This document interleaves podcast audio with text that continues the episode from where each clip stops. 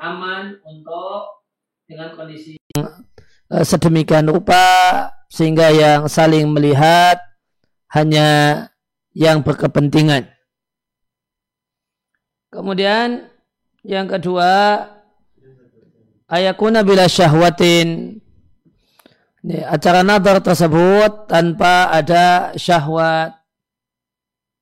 Jika nadarnya adalah nadar syahwat untuk menikmati dan kesenangan, hukumnya haram karena maksud dan tujuan dari kegiatan nadar adalah al-istilam, adalah berupaya untuk mendapatkan informasi tentang bagaimanakah uh, kondisi fisik uh, orang yang hendak dinikahi.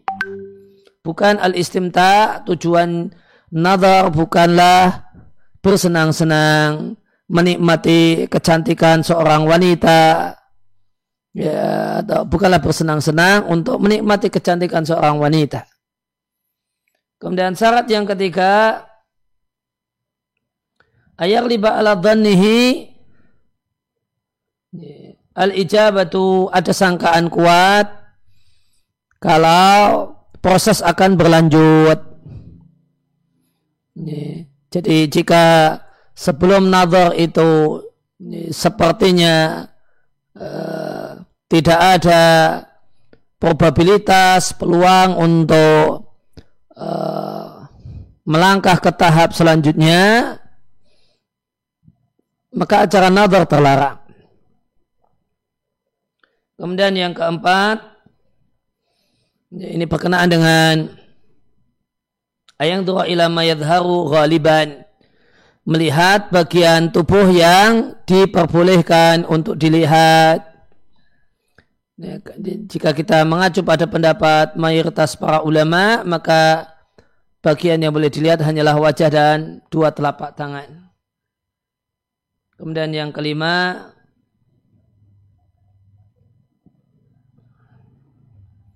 Jika nazar itu sebelum khidbah, karena nazar bisa dilakukan sebelum khidbah dan jika dan boleh juga setelah khidbah.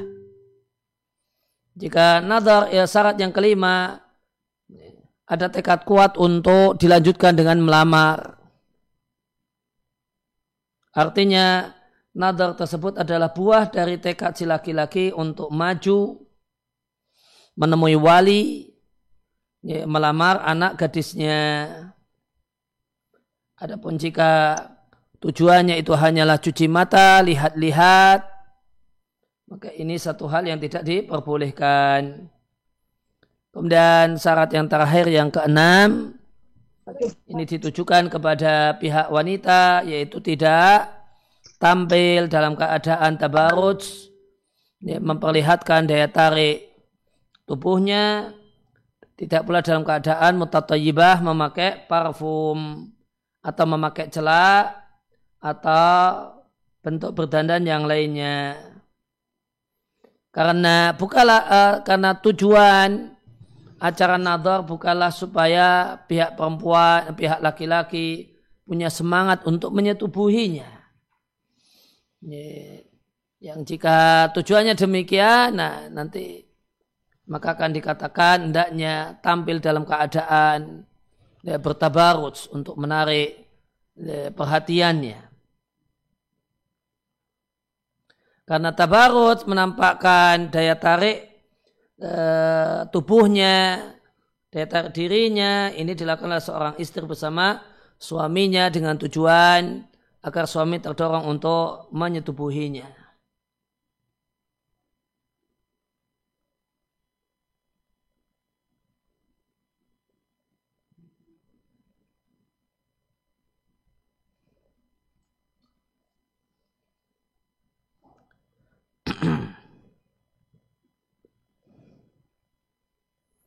Ya, maka kemudian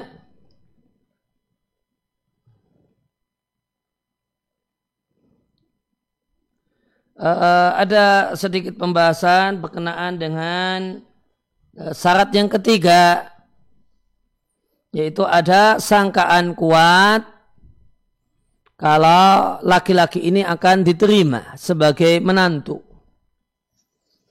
Ya, maka jika ada yang bertanya gimana cara mengetahui ada sangkaan kuat kalau si laki-laki akan diterima.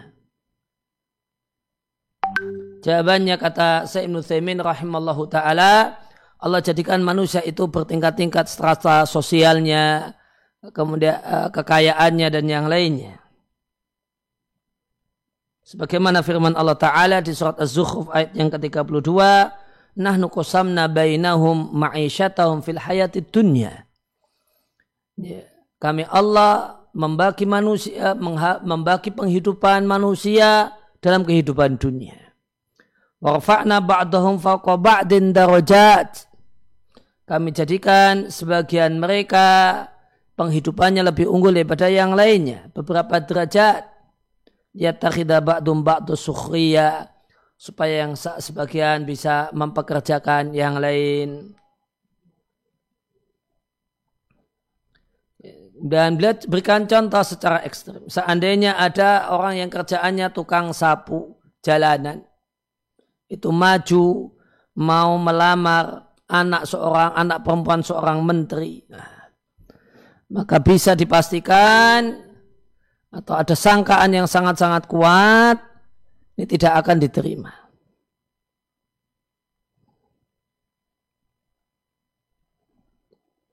Nah, itu gambarannya. Jadi uh, boleh nazar kalau ada harapan berdasarkan uh, melihat strata sosial dan sebagainya, ada harapan kalau lamaran akan di akan diterima. Ini uh, enam syarat uh, bolehnya kegiatan nazar.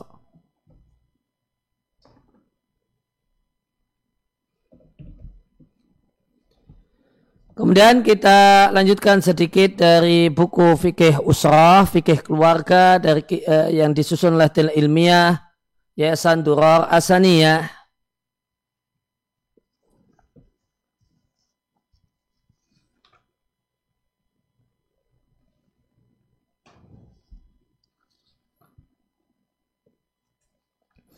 Ya ada uh, kembali ke kita lanjutkan pembahasan tentang ijab dan kabul. Dalam hal ini ijab dan kabul dengan isyarat. Ya, hukum ijab dan kabul dengan isyarat bagi orang yang mampu berbicara. Ya, jawabannya tidak sah ijab dan kabul dengan isyarat bagi orang yang mampu berbicara. Demikian ditegaskan oleh madhab Maliki dan Hanabilah.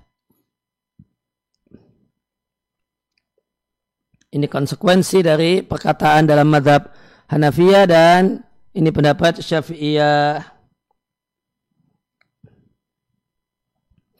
Dan itu uh, nah, dan alasannya karena bisa ngomong maka tidak perlu isyarat.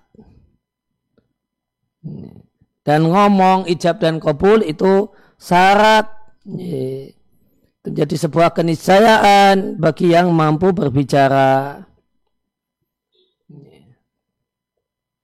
Kemudian selanjutnya adalah ijabkan dan kabul untuk uh, dengan isyarat bagi orang yang tidak bisa ngomong karena bisu. Maka sah ijab dan kabul dengan bahasa isyarat bagi orang yang bisu dan ini adalah kesepakatan empat madhab. Karena akad nikah adalah satu hal yang tidak bisa dipahami dari orang yang bisu kecuali dengan bahasa isyaratnya. Kemudian ya, hukum jika ijab kabul dengan ya, ijab kabul dengan eh, dengan tulisan bagi orang yang hadir. Jadi orangnya posisinya tidak jauh, ada di majelis akad namun nggak mau ngomong, maunya nulis. Ya, wali itu ada di situ, namun dia tidak mau ngomong, maunya nulis. Jawabannya ijab dan kabul dengan tulisan bagi orang yang hadir di majelis akad tidak sah. Dan ini kesepakatan empat madhab. Hal ini karena ucapan itu sudah mencukupi, tidak perlu tulisan. Kemudian selanjutnya ijab dan kabul dengan tulisan dalam karena pelakunya itu berada di lain tempat. Para ulama berselisih pendapat tentang keabsahan ijab dan kabul dengan tulisan dalam keadaan yang melakukannya tidak ada di tempat. Ada dua pendapat. Yang pertama, ijab dan kabul dengan tulisan bagi orang yang tidak hadir di di lokasi ijab kabul itu tidak sah. Dan ini pendapat mayoritas para ulama madhab maliki, syafi'i dan hanabila. Kenapa? Wadhalika likauniha kinayatan. Jadi para ulama fikih itu menilai bahasa tulisan itu bahasa kinayah. Ya, meskipun teksnya itu tegas, itu dianggap kinayah. Dan nikah tidaklah sah uh, bil kinayah dengan bahasa kinayah yaitu bahasa yang uh, multi tafsir. Jadi ini ini faedah penting dalam pandangan para ulama bahasa tulisan itu statusnya adalah bukan uh, bukan redaksi tegas meskipun teks tulisannya tegas. Namun itu statusnya bukan bahasa tegas kecuali jika tulisan tersebut dibacakan.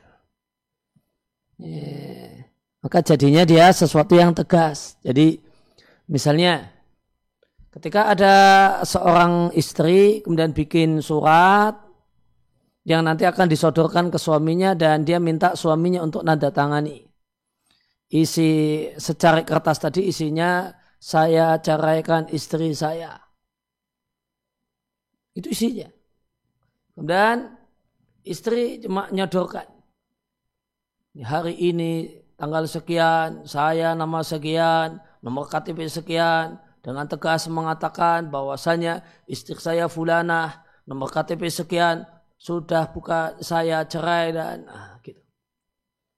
Dan disodori, suaminya diminta itu tanda tangan.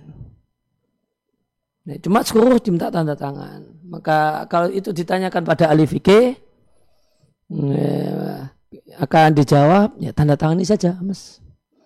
Ya, tanda tangani saja, namun tanpa punya niat untuk menceraikan.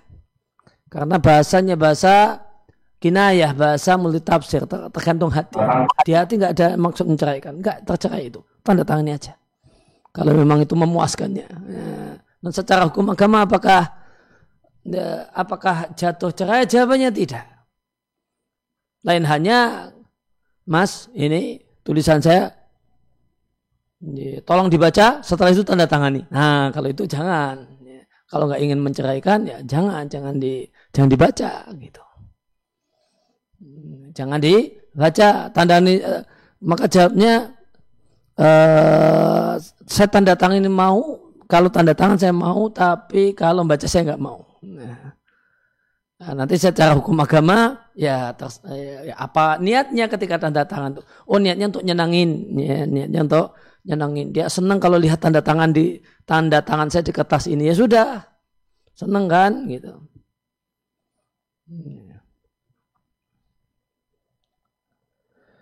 Ya, pendapat kedua mengatakan ijab kabul dengan tulisan bagi orang yang tidak hadir itu sah. Ini madhab Hanafi, satu pendapat dalam Syafi'i dan Hanabila. Dan ini yang nampaknya menjadi pendapat pilihan Ibnu Taimiyah dan Syaukani karena tulisan bagi orang yang tidak ada di tempat itu seperti ucapan lisan bagi orang yang ada di satu tempat.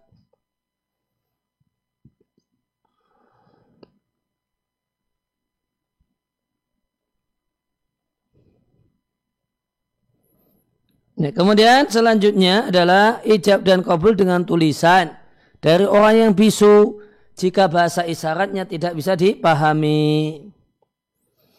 Ya, ijab dan kabul dengan tulisan dari orang yang bisu yang bahasa isyaratnya tidak bisa dipahami itu sah. Ini pendapat mayoritas para ulama. Hal ini karena bahasa isyarat itu lebih baik daripada karena bahasa tulisan lebih baik daripada bahasa isyarat.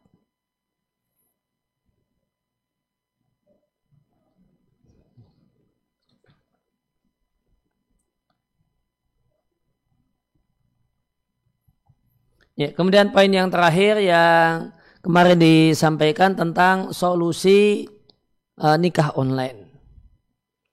Ya, maka di nikah online dilarang oleh mayoritas para ulama fikih kontemporer. Uh, solusinya adalah pakai taukil, pakai akad pemberian mandat. Boleh jadi pemberian mandat diberikan kepada pihak wali wali memberikan mandat kepada seseorang yang berada bersama calon pengantin laki-laki atau pengantin laki-laki yang memberi mandat untuk menerima akad nikah bersama wali.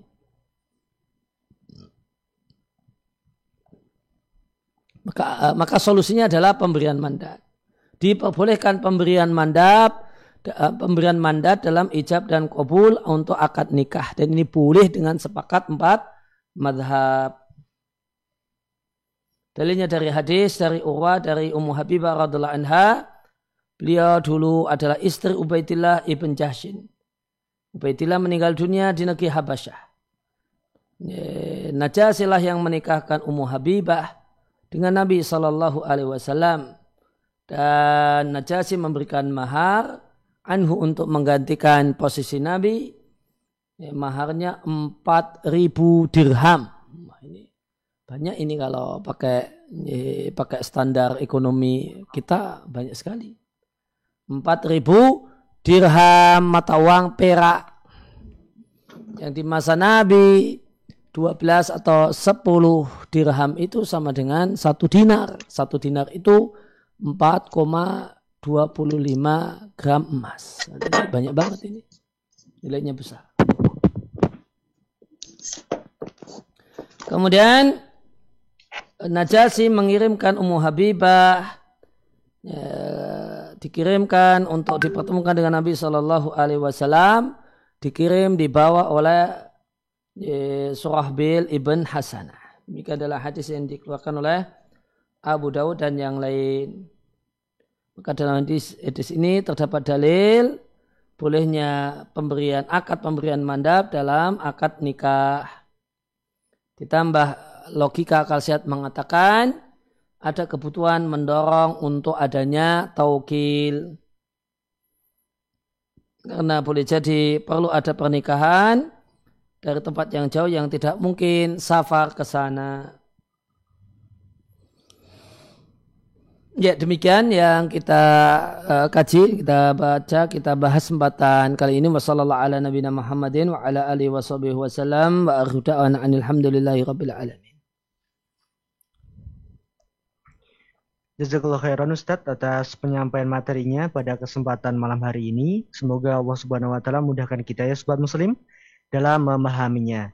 Dan kita berada di sesi yang kedua sobat muslim yaitu sesi interaktif sehingga sobat muslim yang mungkin ada pertanyaan terkait tema yang dibahas pada malam hari ini ataupun juga terkait hukum seputar keluarga dapat bertanya lewat chat SMS ataupun WhatsApp di 0823 2727 5333 atau sobat muslim yang tergabung di link Zoom, YouTube dan juga Facebook dapat menuliskan pertanyaan di kolom komentar. Kita bacakan pertanyaan yang masuk Ustaz. Silakan. Bismillah, Assalamualaikum Ustaz. Waalaikumsalam warahmatullahi. Ustaz izin bertanya, jika ayah sudah lama wafat dan baru ditemukan beberapa barang seperti HP, kamera, atau barang lainnya yang sudah lama namun memiliki nilai ekonomi tapi belum tahu berapa besar atau tidak, apakah barang tersebut harus dijual kemudian dibagikan ke ahli waris Ustadz ataukah cukup dengan memberikannya kepada yang kurang mampu atau kepada pemulung? Syukran jazakumullah khairan Ustaz. Ya, ada beberapa pilihan. Pertama uh, dijual, kemudian dibagi, kemudian yang kedua salah satu ahli waris membeli ya, kata orang Jawa duiti, kemudian duitnya dibagikan kepada semua ahli waris yang berhak menerima warisan. Nah. Terima kasih Ustaz atas jawabannya. Kita bacakan pertanyaan berikutnya Ustadz. Dari uh, link Zoom. Assalamualaikum Ustadz. Wa ilaikum.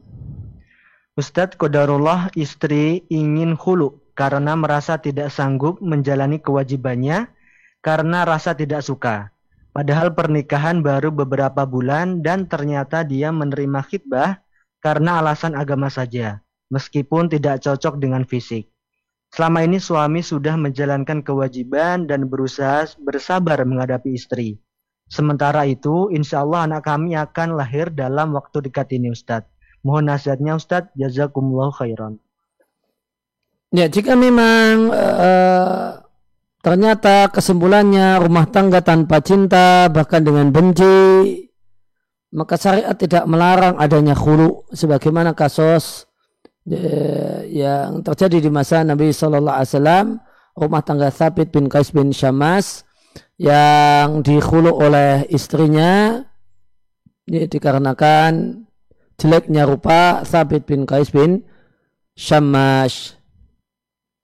Maka yang patut di uh, disadari memang jika usaha untuk mengambil haknya sudah mentok dan ternyata tetap tidak bisa, ya, ya terimalah kenyataan.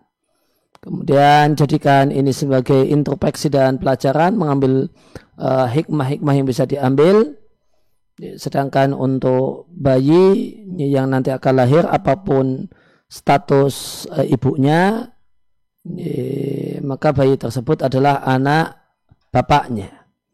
Bapaknya dan ayahnya yang punya kewajiban untuk menafkahinya.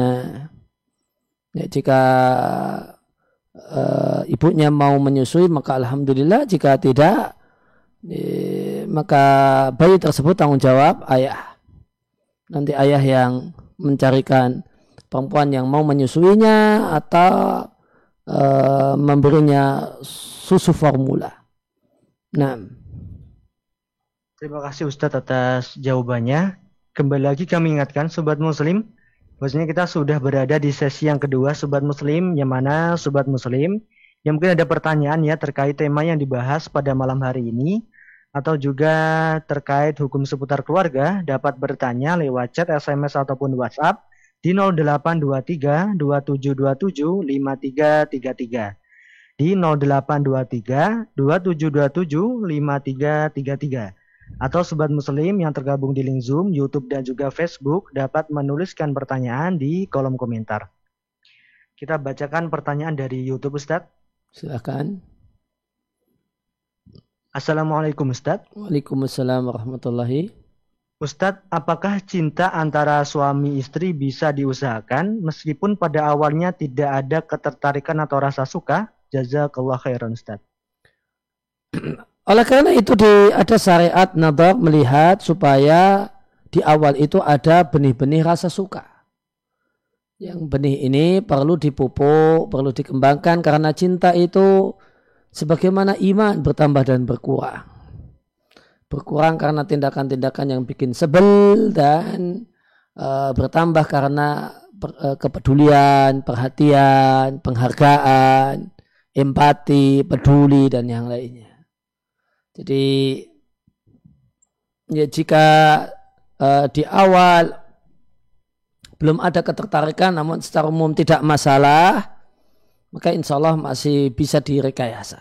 Non jika sudah dingin, tidak ada rasa, tidak, ya, ya, ya, sudah kemudian e, merasa tidak cocok, mungkin nanti proses rekayasanya tidak bisa.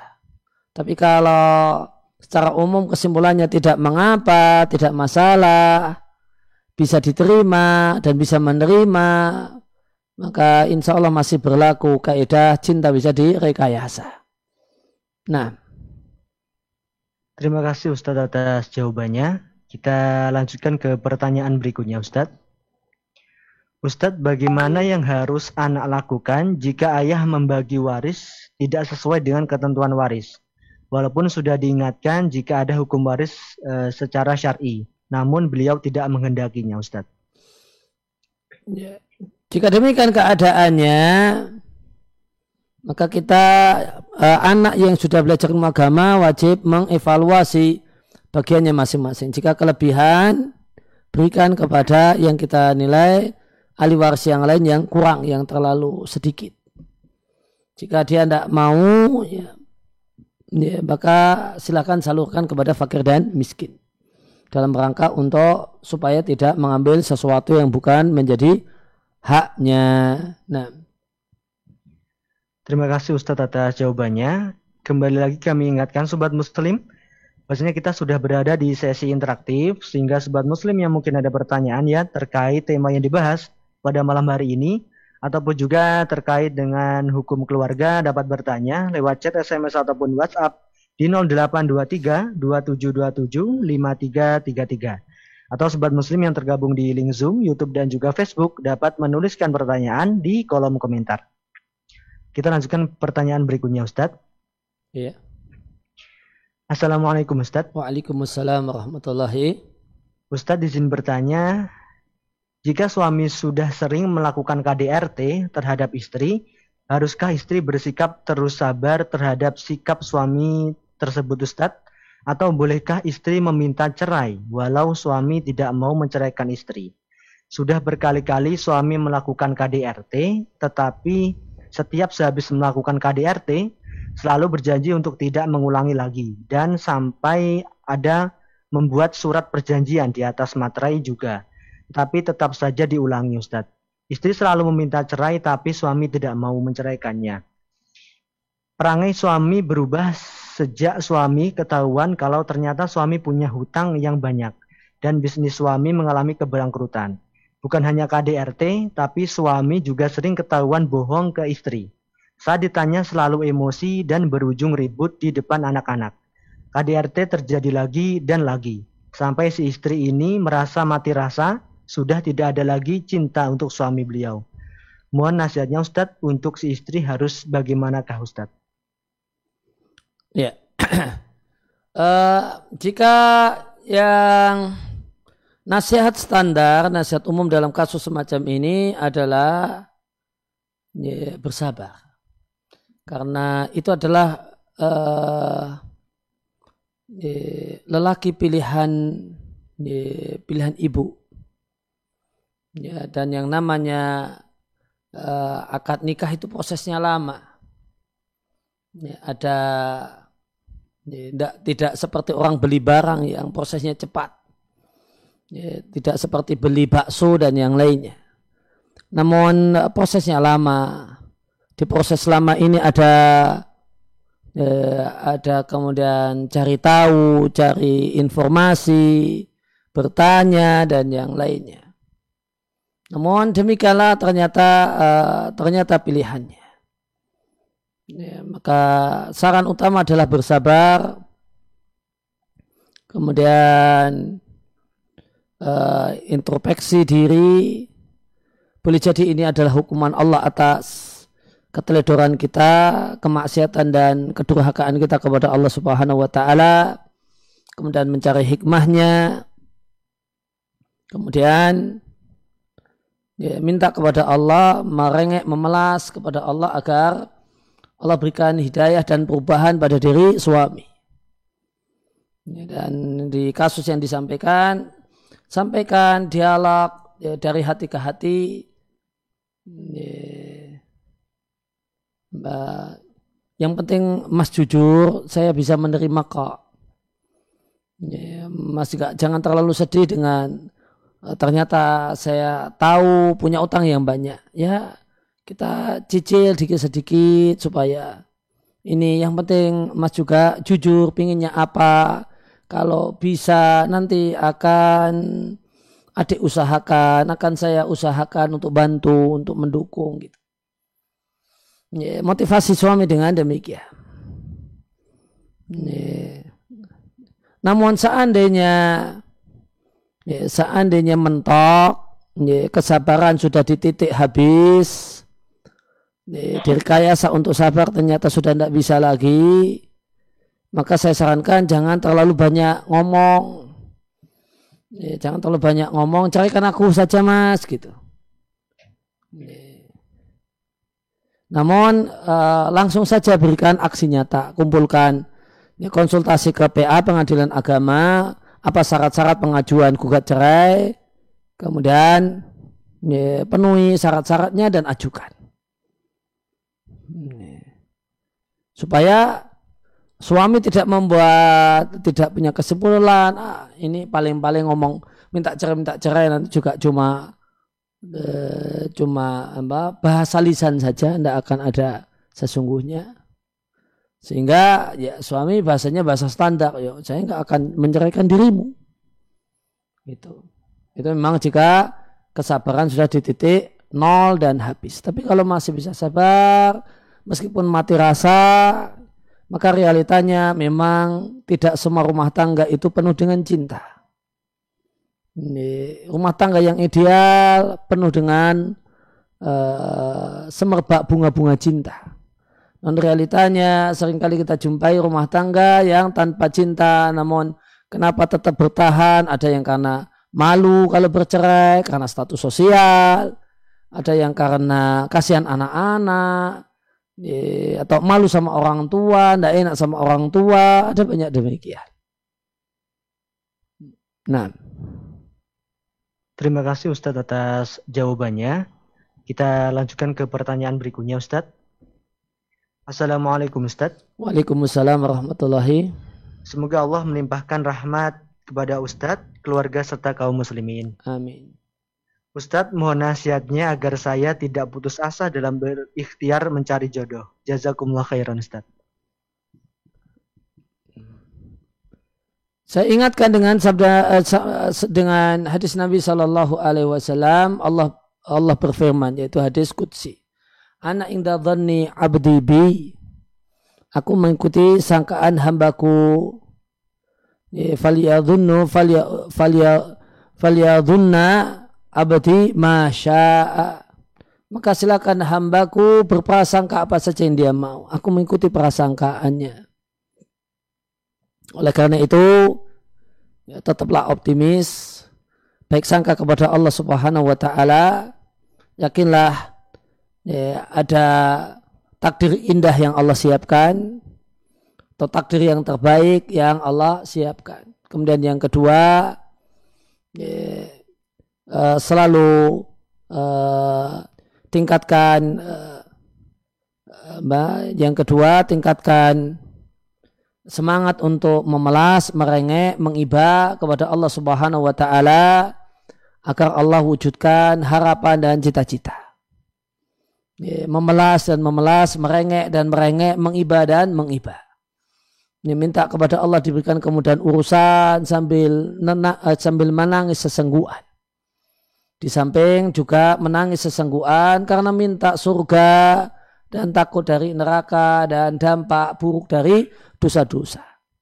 Kemudian selanjutnya adalah uh, manfaatkan waktu longgar karena belum menikah dengan sebaik-baiknya.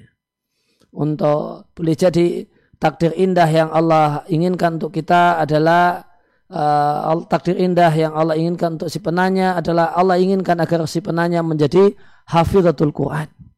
Menjadi salah satu hamalatul Quran, para penghafal Al-Quran yang akan memberikan mahkota dan pakaian kemuliaan pada orang tuanya dan memberikan pakaian kemuliaan untuk dirinya.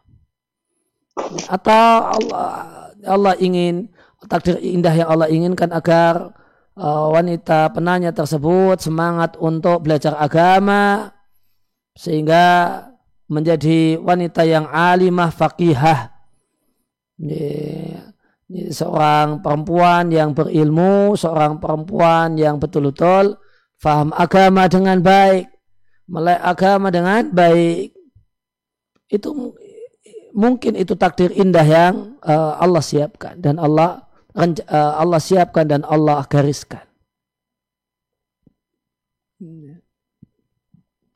Dan Eh, kemudian ya tetap terus uh, selanjutnya jangan putus asa untuk terus minta tolong dan minta bantuan kepada eh, pihak-pihak yang bisa dimintai tolong dan minta bantuan untuk mengenalkan ya, mengenalkan dalam penanya dengan orang-orang yang mungkin dirasa cocok. Ya, kemudian selanjutnya adalah uh, ketika usia usia seorang wanita sudah tidak lagi mekar-mekarnya tidak lagi seperti mekar-mekarnya bunga ya maka uh, maka kriteria kriteria yang kriteria-kriteria yang sulit nampaknya mulai perlu dikurangi ini, atau uh, mulai banyak yang harus dikurangi dan tetap optimis. Dan yakinlah bahasanya nikah itu bukan segalanya. Karena nikah itu belum tentu bahagia. Ya, tadi di pertanyaan eh, sebelumnya tadi kita jumpai. Ya, tidak sedikit ternyata ada keluarga tanpa cinta dan tanpa bahagia. Ya, boleh, uh, boleh jadi Allah tunda uh, ya, Allah tunda takdir untuk menikah. Ya, karena Allah tahu jika ya, segera ketemu dengan ya, dengan jodohnya ternyata rumah tangga yang terjadi adalah rumah tangga tanpa cinta, tanpa harmonis, tanpa mesra, namun uh, ternyata rumah tangganya adalah rumah tangga yang meminjam istilah sebagian orang rumah tangga dalam kondisi mati rasa. Maka uh, jika demikian, maka uh, jika demikian belum menikah itu tentu yang lebih baik. Karena uh, karena dengan demikian belum menikah berarti masih bisa senyum bahagia, masih bisa tertawa. Tapi kalau rumah tangga mati rasa, maka hilanglah hilang sudah bahagia, senang dan tertawa. Yang ada adalah uh, nangis dan petaka. Nah. Terima kasih Ustadz atas nasihatnya. Kita lanjutkan ke pertanyaan berikutnya Ustadz. Assalamualaikum Ustadz. Waalaikumsalam warahmatullahi wabarakatuh.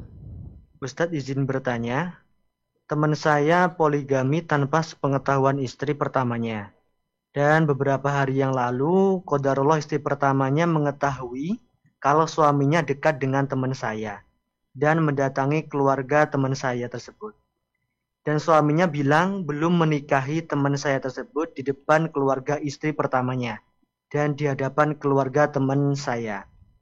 Yang jadi pertanyaannya, apakah suaminya secara tidak langsung sudah menjatuhkan talak dengan bilang belum menikahi teman saya tersebut Ustadz mohon nasihatnya. Syukron jazakallah khairan.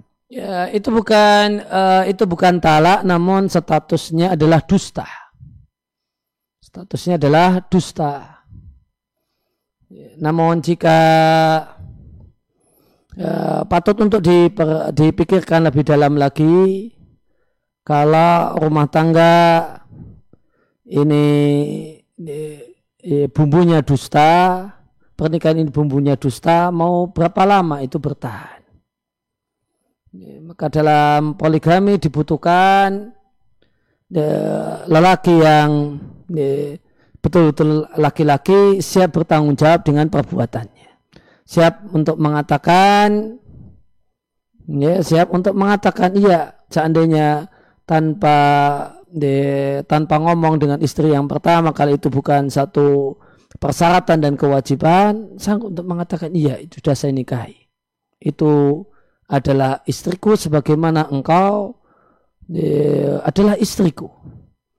De, dan setelah itu siap dengan uh, segala konsekuensi yang mungkin terjadi.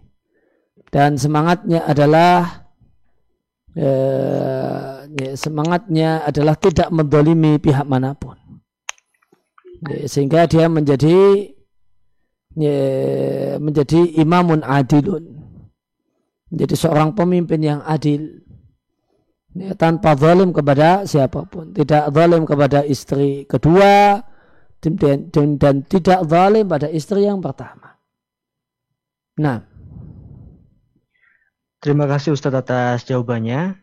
Kembali lagi kami ingatkan Sobat Muslim, bahwasanya kita sudah berada di sesi interaktif, sehingga Sobat Muslim yang mungkin ada pertanyaan terkait tema yang dibahas pada malam hari ini ataupun juga terkait hukum seputar keluarga, dapat bertanya lewat chat SMS ataupun WhatsApp di 0823 2727 5333 atau sobat muslim yang mengikuti lewat link Zoom, YouTube dan juga Facebook dapat menuliskan pertanyaan di kolom komentar. Kita lanjutkan ke pertanyaan berikutnya, Ustadz. Ya, silahkan. Ustadz izin bertanya, apakah hukum isbal berlaku juga bagi bayi laki-laki yang baru lahir Ustadz? Ataukah diperbolehkan sampai batas usia berapa? Syukron jazakumullah khairan Ustadz. Jawabnya tidak berlaku dan boleh isbal uh, sampai balik. Ya, berarti sampai umur 15 tahun. Genap 15 tahun. Pakai kalender Hijriyah. Nah. Terima kasih Ustadz atas jawabannya. Kita lanjutkan ke pertanyaan berikutnya Ustadz. Assalamualaikum Ustadz. Waalaikum. Ustadz, apakah dalam akad nikah harus diucapkan satu nafas? Dan bagaimana jika akad nikah yang diulang berkali-kali karena grogi? Sah atau tidak ya Ustadz? Syukron jazakumullahu khairan.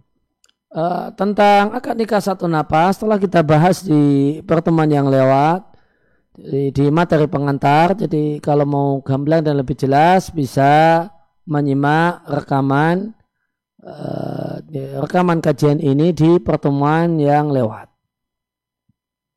Intinya tidak harus satu napas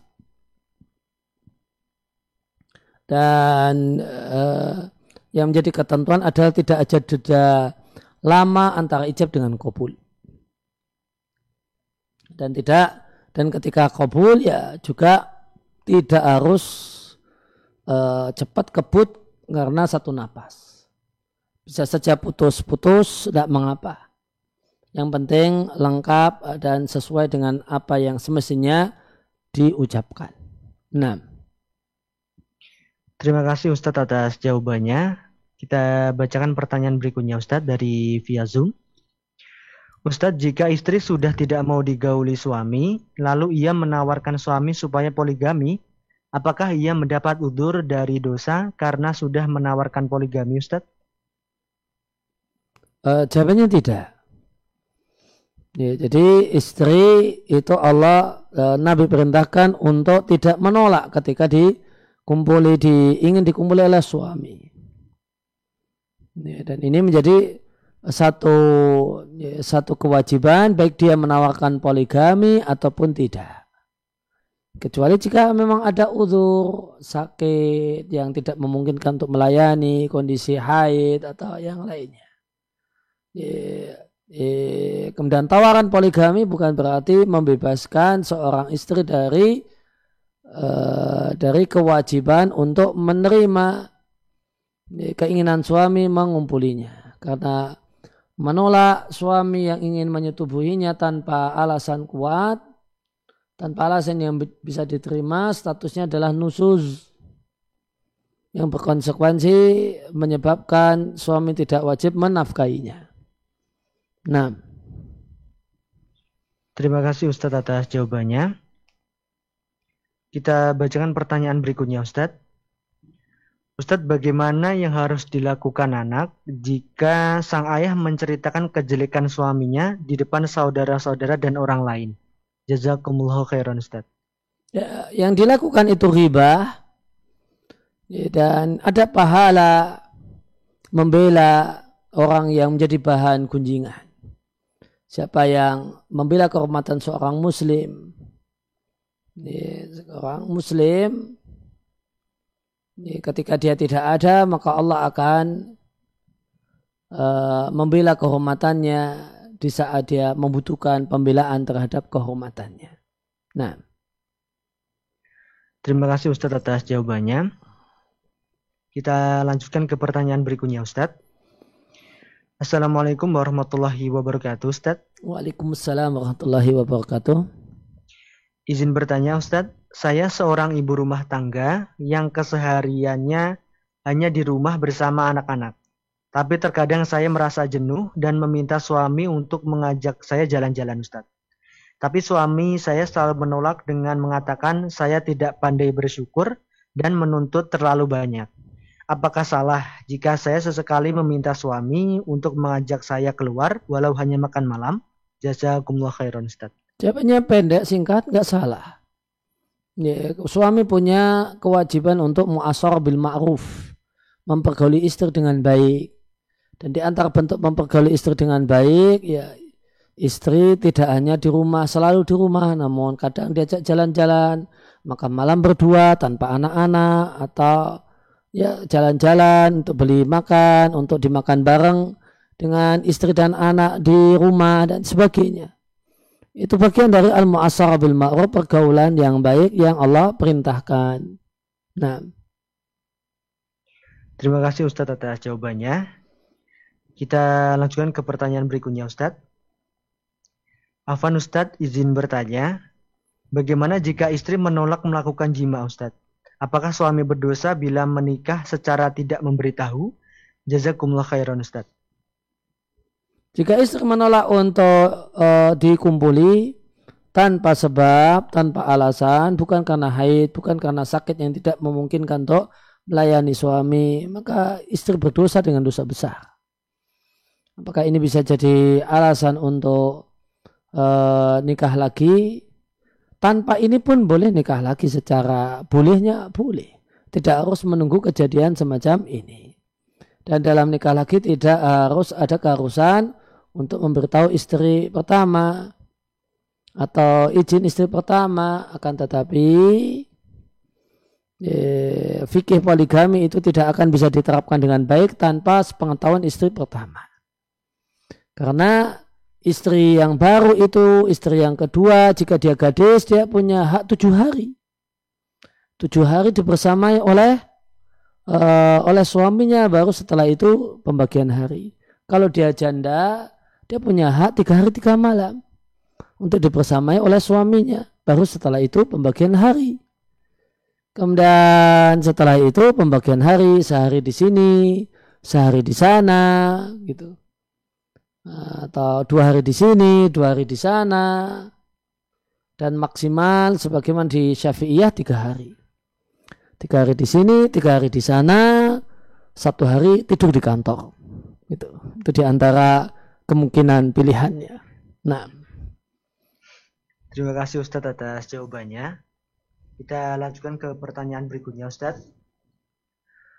Ustadz izin bertanya, eh, di sekolah tempat istri mengajar, semua guru diikutkan untuk kooperasi simpan pinjam perkumpulan guru sekecamatan.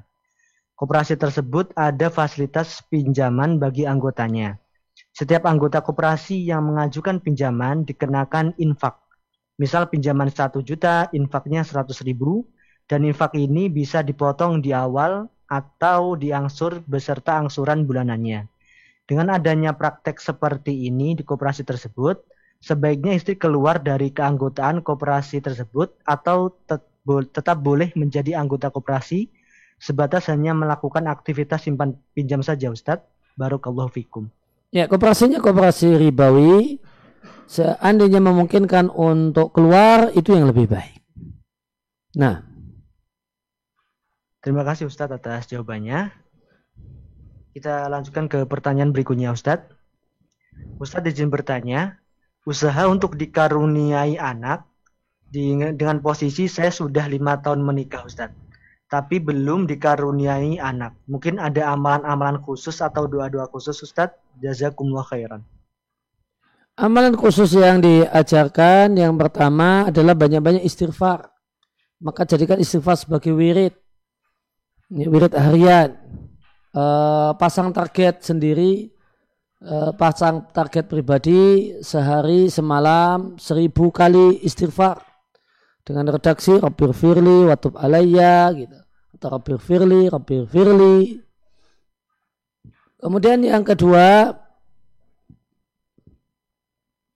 di antara hal yang diharapkan untuk bisa kiat, untuk bisa dapat momongan adalah rajin-rajin hubungan badan saat malam-malam bulan Ramadan. Ini. Fal'ana basiruhuna wa betaru ma kataballah alaikum. Ya, mulai uh, sekarang silakan kumpuli istrimu di malam-malam Ramadan dan carilah anak yang Allah takdirkan untuk kalian. Allah perintahkan malam-malam Ramadan untuk uh, mencari anak yang Allah takdirkan.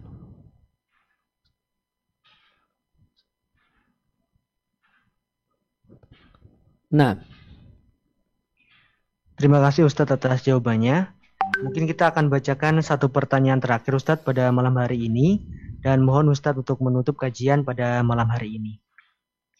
Bismillah, Assalamualaikum Ustadz. Waalaikumsalam warahmatullahi.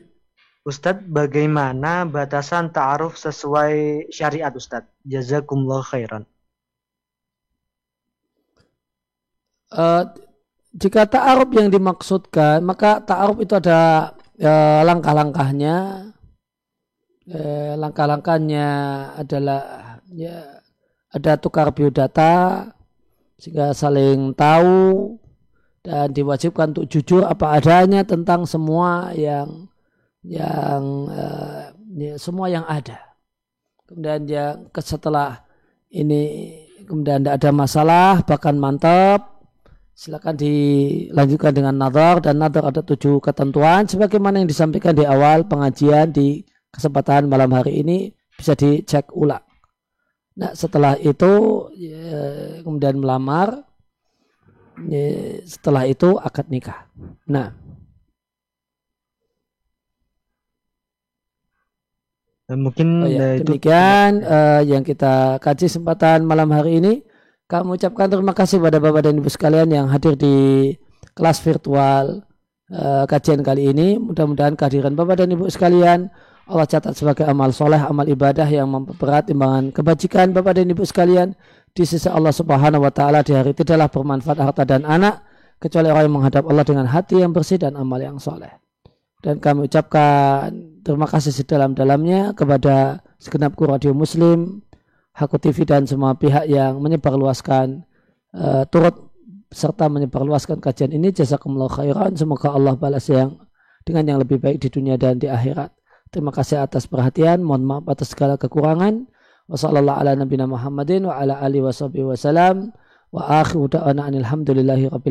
Wassalamualaikum warahmatullahi wabarakatuh.